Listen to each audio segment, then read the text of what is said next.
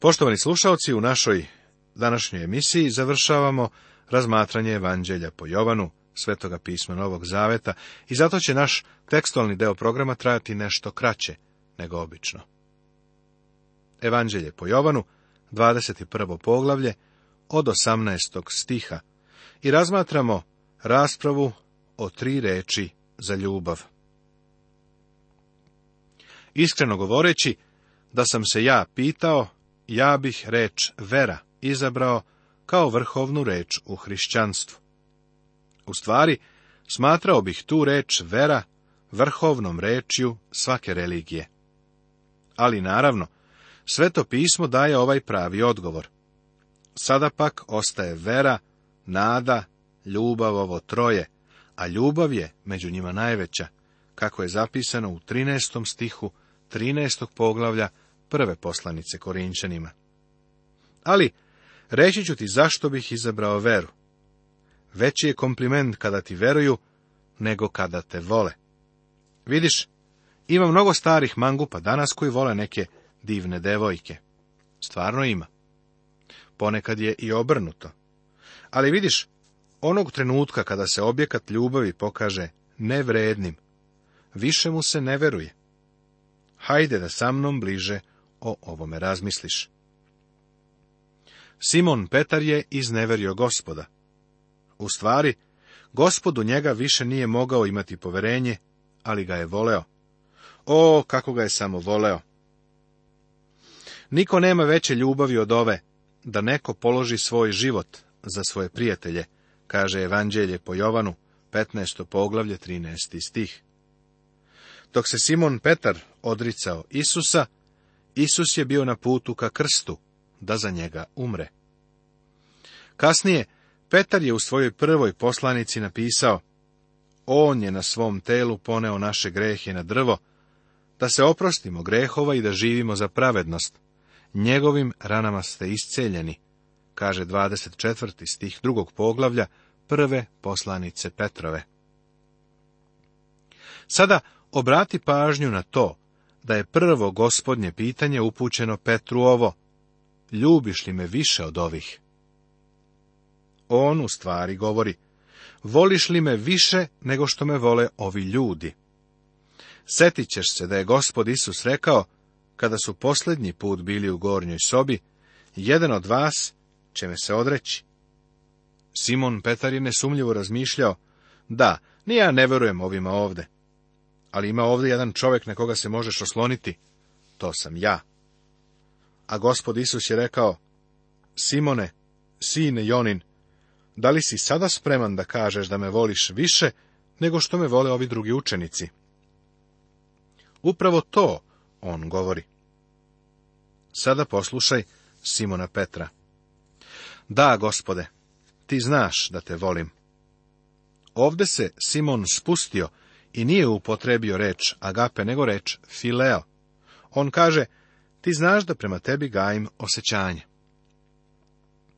Zašto Simon Petar nije upotrebio reč koju je upotrebio gospod?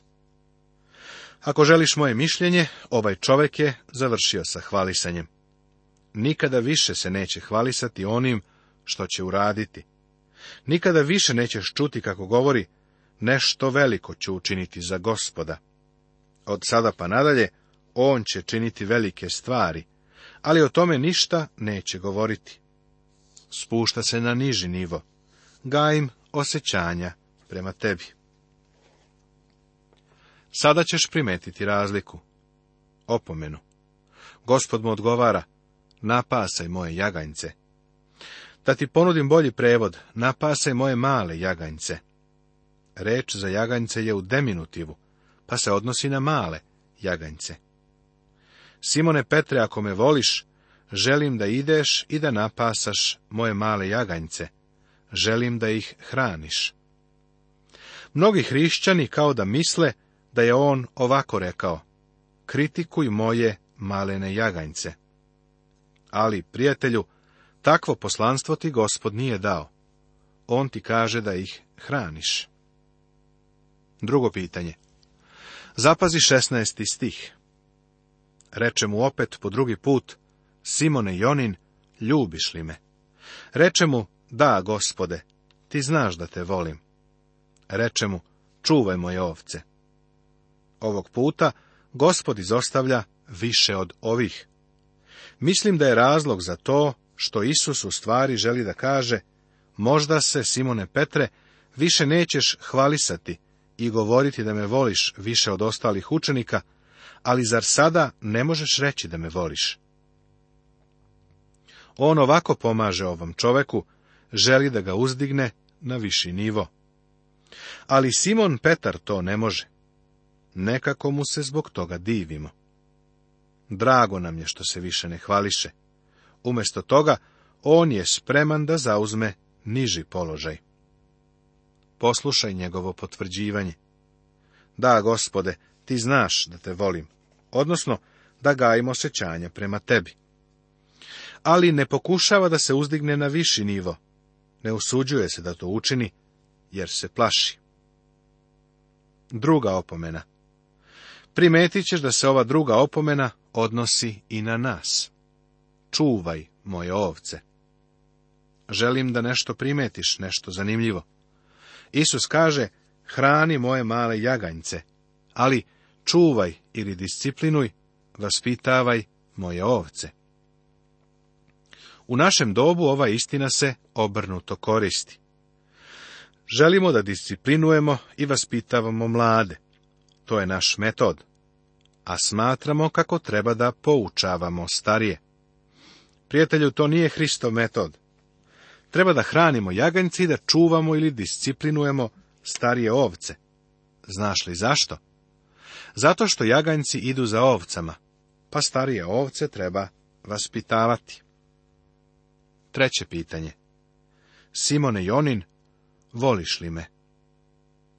Hristos sada prisvaja Petrovu reč kada ga pita, pa kaže, Simone Jonin, da li stvarno prema meni gajiš osjećanje? Naš prevod to ne pokazuje, ali gospod Isus ovdje silazi do Petrove izjave, pa se Petar žalosti. U trećem potvrđivanju, Petar se ražalosti, što mu po treći put reče, voliš li me? I reče mu, gospode, ti znaš sve, ti znaš da te volim. Hajde sada da uvidimo pravi smisao razgovora koji se vodio između gospoda i Simona Petra. Petar je bio ožalošćen, ne zato što mu je gospod tri puta postavio pitanje, nego je u srcu bio žalostan, jer je gospod morao da se spusti i stane na njegov nivo u upotrebi reči. Ali Simon Petar još nije spreman da se popne. Smatra da najbolje što može reći jeste da gaji osjećanja prema gospodu, i da gospod za ta osjećanja zna. Sada se više ne hvali, jer shvata da gospod poznaje njegovo srce, da Petar u svom srcu stvarno gaji osjećanja prema Isusu. Treća opomena. Napasaj moje ovce. Vidiš, i ovce treba napasati. Milton je pretrpeo gubitak prijatelja, mladog sveštenika koji se utopio u prelasku Irskog kanala. Milton je zatim napisao pesmu zvanu Likida, u kojoj ovako kaže Gladne ovce gledaju ka gore i nisu nahranjene. Ovim stihom on govori o propovedaonici svoga vremena. Ovo se vrlo dobro odnosi i na njegovu budućnost, odnosno na propovedaonice u naše današnje vreme želim da u tvoje srce utisnem sljedeće. Pravi test svakog današnjeg čoveka, bilo da je u klupi ili za propovedaonicom, bilo da sedi ili da stoji, jeste ljubiš li me? Gospod našega uma. Nedostatak znanja nije izgovor za službu. Zaista, zaista kažem ti, kada si bio mlađi, opasivao si se sam, išao si kuda si hteo. No kad ostariš, raširit ćeš svoje ruke, pa će te drugi opasati i odvesti kuda nećeš. A ovo je rekao, nagoveštavajući kakvom će smrću proslaviti Boga. Isus kaže Petru da će postati mučenik. Petar je rekao da će život položiti za gospoda Isusa. Pa i hoće. I kad mu to kaza, reče mu, hajde za mnom. Petar se obazre i vide kako za njima ide učenik koga je Isus ljubio, koji se na večeri naslonio na Isusove grudi i rekao, gospode, ko je tvoj izdajnik? Videvši ovoga, Petar reče Isusu, gospode, a šta će ovaj? Zar ovo baš ne liči na Simona Petra? On kaže, sada kada si mi rekao šta ću ja da uradim, kaži mi, šta će biti sa Jovanom? Reče mu Isus, ako hoću da on ostane dok ne dođem, šta je tebi do toga? Ti pođi za mnom. Gospod kaže, vidi Simone Petre, ti ćeš umreti za mene.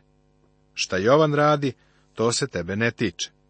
Čak i ako on bude živeo dok se ja ne vratim, to ne utiče na ono što ćeš ti uraditi. Ti idi za mnom. Tako se raširi ova reč među braćom, da onaj učenik neće umreti. No Isus mu nije rekao da neće umreti, nego, ako hoću da on ostane dok ne dođem, što je tebi do toga? Ovo je učenik koji svedoči za ovo i koji je napisao ovo i znamo da je njegovo svedočanstvo istinito. Evo nečeg zanimljivog. Neznanje ili nedostatak znanja nije izgovor, ako ne služimo Bogu. Neki ljudi kažu da ne žele da služe gospodu, ako na sva pitanja ne dobiju odgovor. Prijatelju, mnogo je stvari koje nećeš znati. Mnoge stvari i ne treba da znaš. Ima stvari koje te se još uvek ne tiču. Ono što je važno jeste da slediš gospoda. Isus nije otkrio Petru šta će biti sa Jovanom. Jednostavno mu je rekao da ako bude želeo da Jovan ne umre, to ipak ne utiče na Petrovu službu i Petrovu obavezu da sledi Isusa. Važno je da ovo uvidimo. Petar je u drugoj Petrovoj poslanici u prvom poglavlju u 14. stihu napisao Znajući da će ubrzo doći do skidanja ove moje senice, kao što mi je to obznanio gospod naš Isus Hristos tradicija kaže da je bio razapet, ali je tražio da ga razapnu sa glavom na dole, jer se nije smatrao vrednim da bude razapet kao gospod, sa glavom na gore. Prijatelju, gospod Isus Hristos mora biti gospodar tvoga uma, gospod tvoga srca i gospod tvoje volje. Ako nije gospod svega toga, onda nije gospod ni tvoga života. A ima i mnogo čega drugog što Isus učini, koje kad bi se zapisalo jedno po jedno, mislim da napisane knjige ne bi stale ni u sami svet. Jovan ne preteruje kada kaže da knjige o Hristu ne bi stale u ceo svet, da su se napisale. Gospod Isus je umro na krstu i vaskrsnuo je iz mrtvih. On je večni Bog, naš spasitelj. Poštovani slušaoci, Ovim smo završili naše proučavanje Evanđelja po Jovanu Svetoga pisma Novog Zaveta. U našem narednom programu započet ćemo sa proučavanjem pete knjige Mojsijeve, poznatije i kao ponovljeni zakon. Prijetno!